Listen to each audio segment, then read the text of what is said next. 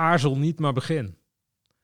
Als je nu niet begint met ehm, het, het opzetten van een dataplatform, dan mis je straks de boot. Welkom bij een nieuwe aflevering van de podcast Business vooruit met IT van InfoSupport. Een podcastserie over digitale transformatie. Mijn naam is Jerrel en vandaag praat ik met Principal Data Architect en Area Lead Data AI Hans Geurtsen.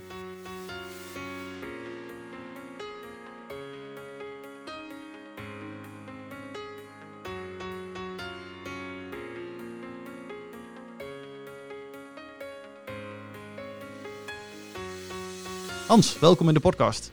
Dankjewel, uh, Gerald. Heb jij nog uh, aanvullingen op de korte introductie? dus uh, wie, wie, ben je? Wat doe je bij InfoSupport? Ja, dat is misschien wel goed, hè? ja. Nou, ik, ik ben um, sinds 12,5 jaar in dienst bij, bij InfoSupport als um, primair data-architect.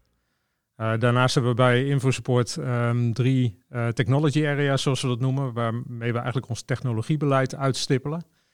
En een van die technologiethema's is data en AI omdat we dat een uh, heel belangrijk thema vinden. Ja.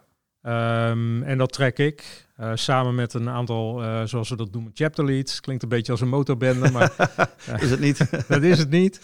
Um, maar dat zijn vertegenwoordigers uit de verschillende business units die we hebben. Ja. En gezamenlijk um, bepalen wij eigenlijk wat we als InfoSupport doen met data en AI. Nou, voordat ik bij InfoSupport zat, misschien ook wel goed om te zeggen, ruime ervaring met data...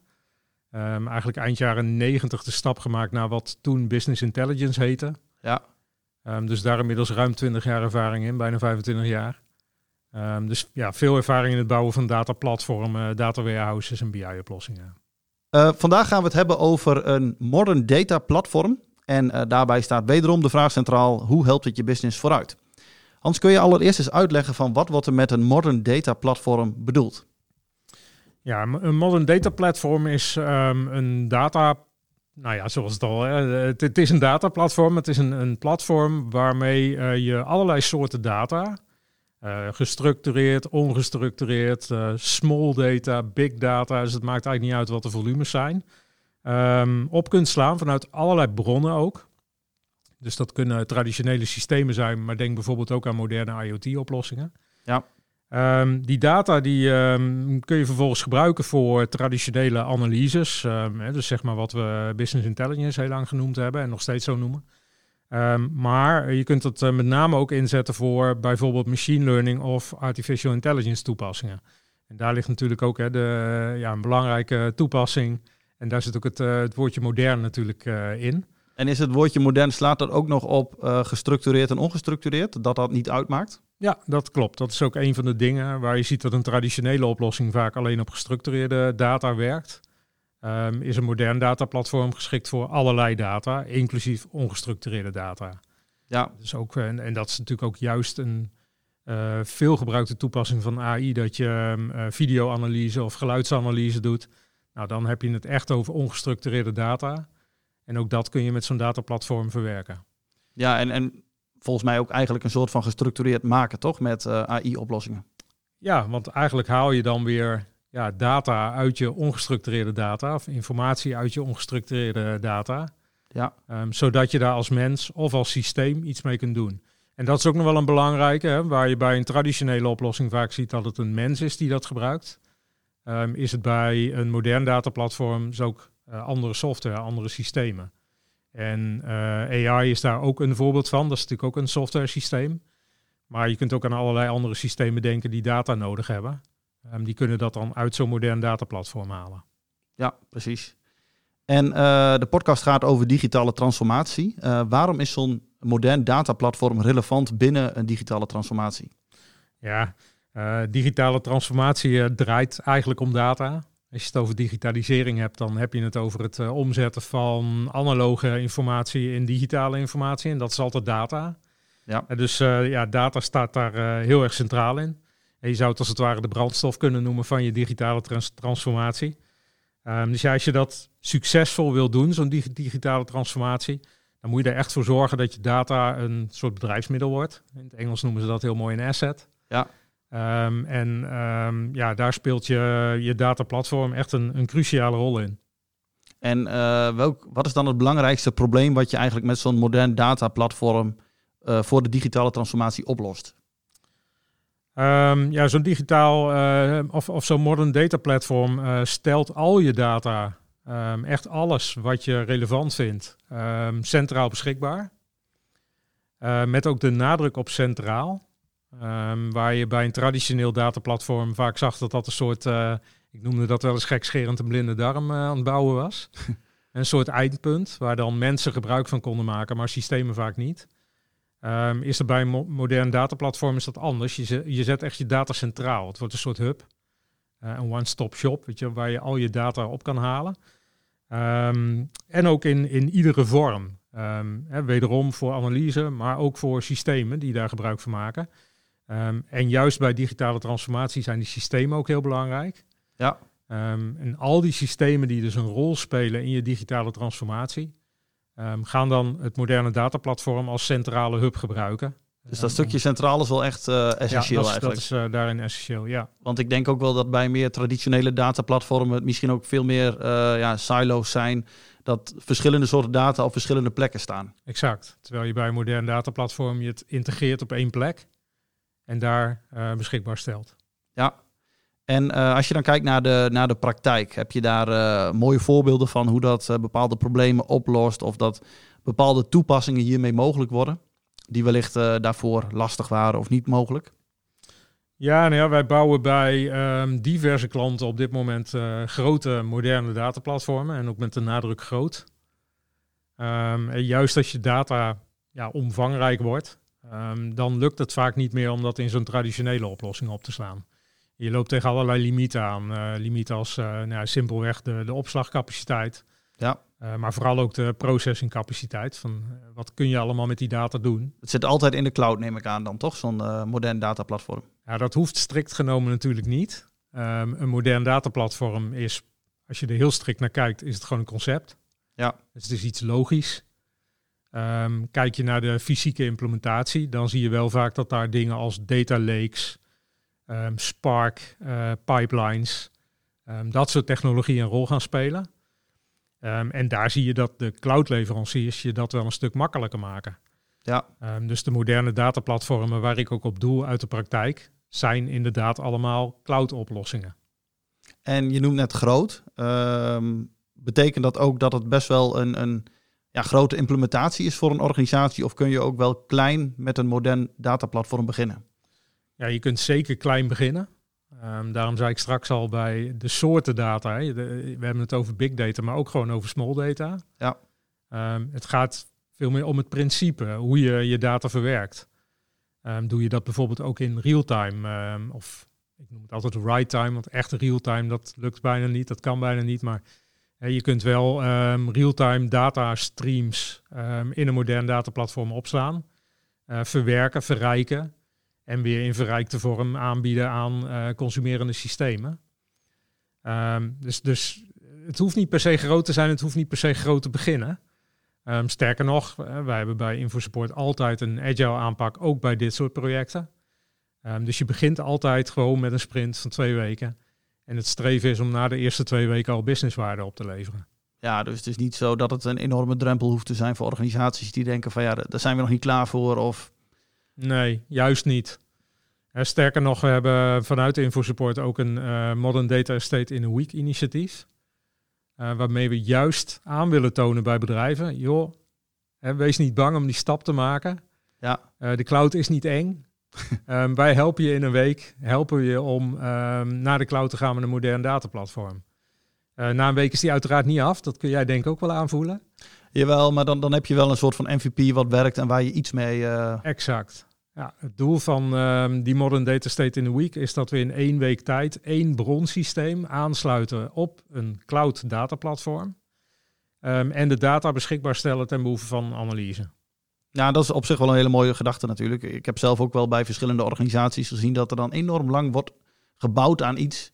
Wat dan nou ja, een jaar later in productie wordt genomen en, en wat dan eigenlijk nog steeds maar heel weinig kan.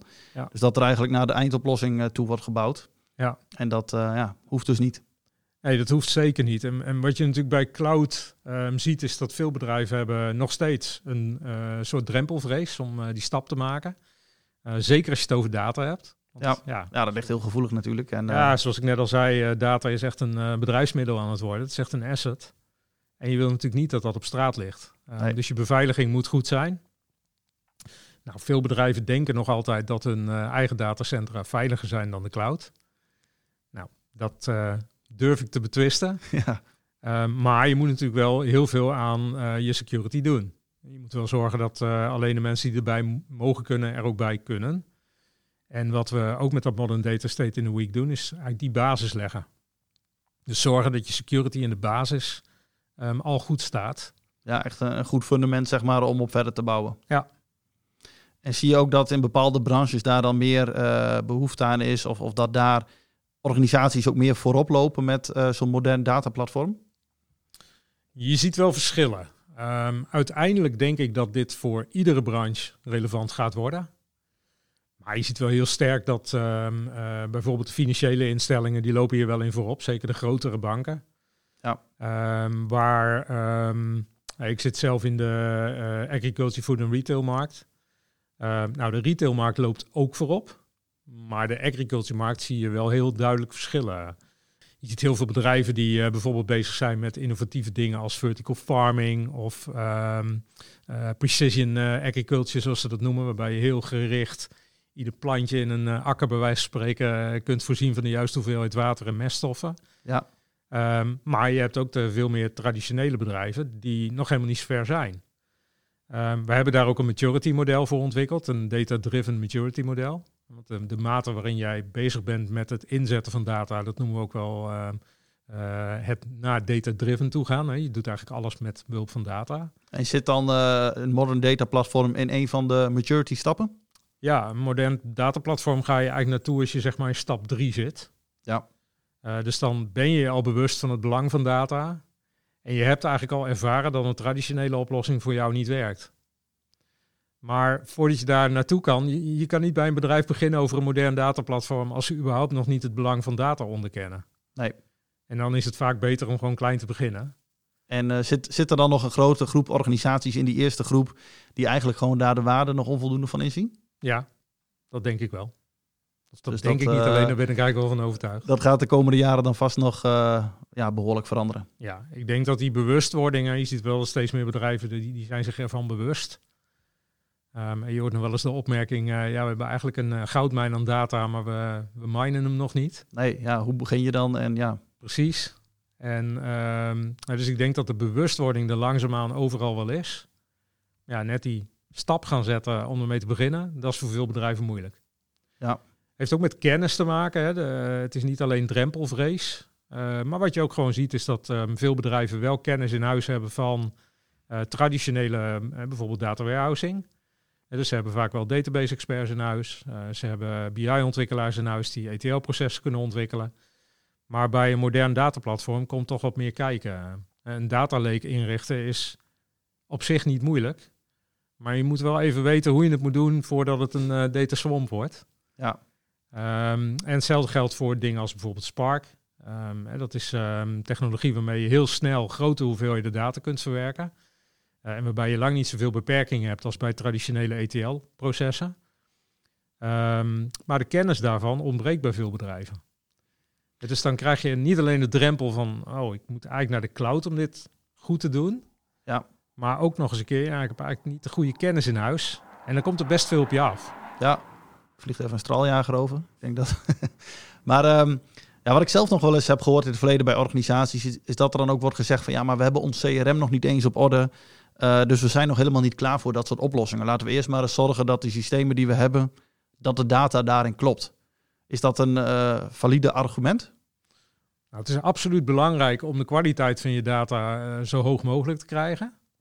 Eh, maar ik vind het een slecht argument om dan te zeggen, dan gaan we nog niet beginnen aan ehm, het verzamelen van die data in, een, in bijvoorbeeld een modern dataplatform.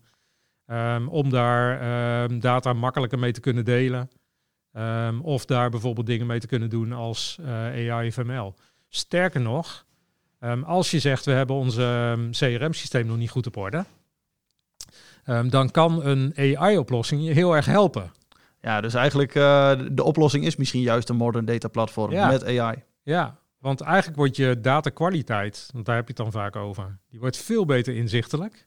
Ja. juist ook in combinatie, want vaak is het niet alleen het CRM-systeem wat niet klopt, maar um, en dan zitten er ook fouten in het ERP-systeem of in je financiële systeem. Um, en als je dat integreert in zo'n dataplatform, dan wordt het veel makkelijker toegankelijk. Um, en door middel van uh, moderne technieken zoals AI kun je ook veel makkelijker herkennen waar die fouten dan precies zitten en hoe ze opgelost kunnen worden. Ja, exact.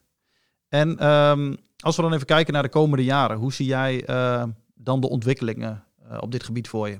Gaat hier nog veel in veranderen? Is een modern data platform in 2021 uh, nog steeds een goede basis over, over drie jaar? Ja, dat ligt er natuurlijk aan hoe je hem opzet. Ja. Um, maar als je je moderne dataplatform opzet op een van de moderne cloudleveranciers, de services die die cloudleveranciers leveren, Um, waarbij je uiteraard op moet passen voor de lock-in die je dan hebt op zo'n vendor. Dus ja, kijk wel uit welke services je wel en niet inzet. Maar als je bijvoorbeeld een, een data lake en een Databricks, uh, een Spark uh, pipeline, als je dat inzet, dat is op alle cloud-leveranciers is dat beschikbaar. Uh, dus je hebt dan niet te maken met vendor lock-in. Als je dat bijvoorbeeld bij Azure of bij Amazon doet, dat, dat is vrij makkelijk, is dat te porteren. Um, dan leg je een, een hele goede basis waarvan ik niet verwacht dat die in de komende jaren nou nog heel sterk gaat veranderen. Misschien meer de mogelijkheden op AI-gebied wat je met die data exact. kunt doen. Exact. Ja, je legt juist de basis voor um, de bredere um, uitnutting van de waarde van je data. Uh, en dat kun je gewoon maar op één manier doen. En dat is die data op, op één plek samenbrengen. Ja, en dan kom ik dan toch even terug op dat stukje gestructureerd, ongestructureerd. Eigenlijk wordt het dan waarschijnlijk ook gewoon steeds minder belangrijk hoe je die data daarin opslaat in welke vorm. Omdat het gewoon, uh, dat er alsnog heel veel toepassingen zeg maar mee uh, ja, in gang gezet kunnen worden. Klopt. Zolang je je data maar archiveert in, in zijn ruwe vorm, welke vorm dat dan ook is, um, kun je er eigenlijk in de toekomst altijd weer iets mee. Ja. Dus de processing die je nu doet, die kan in de toekomst wel eens veel makkelijker worden. Een project waar ik op dit moment zelf op zit, wordt bijvoorbeeld nog best wel veel um, aan uh, handmatige processing. Nou, niet, uh, handmatig is niet het goede woord. Geprogrammeerde processing gedaan. Waarvan ik overtuigd ben dat we dat nu al, maar zeker in de toekomst, veel makkelijker zouden kunnen doen door daar een AI-algoritme op los te laten. Um, dus dat stukje dat zal in de toekomst steeds slimmer worden en steeds makkelijker en steeds minder programmeerwerk vragen. Ja. Maar het fundament van je dataplatform, dat blijft echt wel bestaan. Precies. Um, als jij dan organisaties één takeaway um, ja, mag meegeven uh, na het horen van deze podcast, wat is het belangrijkste uh, op het gebied van modern data platform wat je dan wil meegeven? Ja, dat is, dat is, dat is lastig om één takeaway te geven. Mogen er meer uh, zijn? Ik, ik, wist dat je die vraag ging stellen, maar um, ik, ik vind de belangrijkste takeaway aarzel niet, maar begin. Als je nu niet begint met het, het opzetten van een dataplatform, dan mis je straks de boot. Ja, en volgens mij zijn heel veel bezwaren, als ik dat zo hoor, uh, ja, zijn niet daadwerkelijk drempels. Maar dat, dat is wat mensen denken. Maar volgens mij is het inderdaad gewoon een kwestie van beginnen. Ja. En juist een modern data platform de problemen laten oplossen. In plaats van denken van ik moet het eerst oplossen voordat ik naar zo'n platform toe ga. Ja, precies. Ja, dus echt aan de, de beslissingnemers binnen bedrijven zou ik echt het advies willen geven. Zorg dat je begint. Um, heb je zelf niet de kennis in huis, zorg dat je die kennis krijgt. En aan de data professionals die deze podcast horen, uh, zou ik zeggen, als je nog geen Python bijvoorbeeld kent, ga Python leren. zorg dat je die kennis opdoet van die moderne dataplatformen, want anders loop je echt achter. Ja, nou mooi. Gaan we daarmee de podcast afsluiten. Hans, uh, bedankt voor je tijd. Ook iedereen bedankt voor het luisteren. Uh, op onze website bij deze podcastaflevering uh, zullen we ook een aantal verwijzingen die jij hebt genoemd in de podcast uh, opnemen, wat links. Dus Hans, bedankt. Graag gedaan.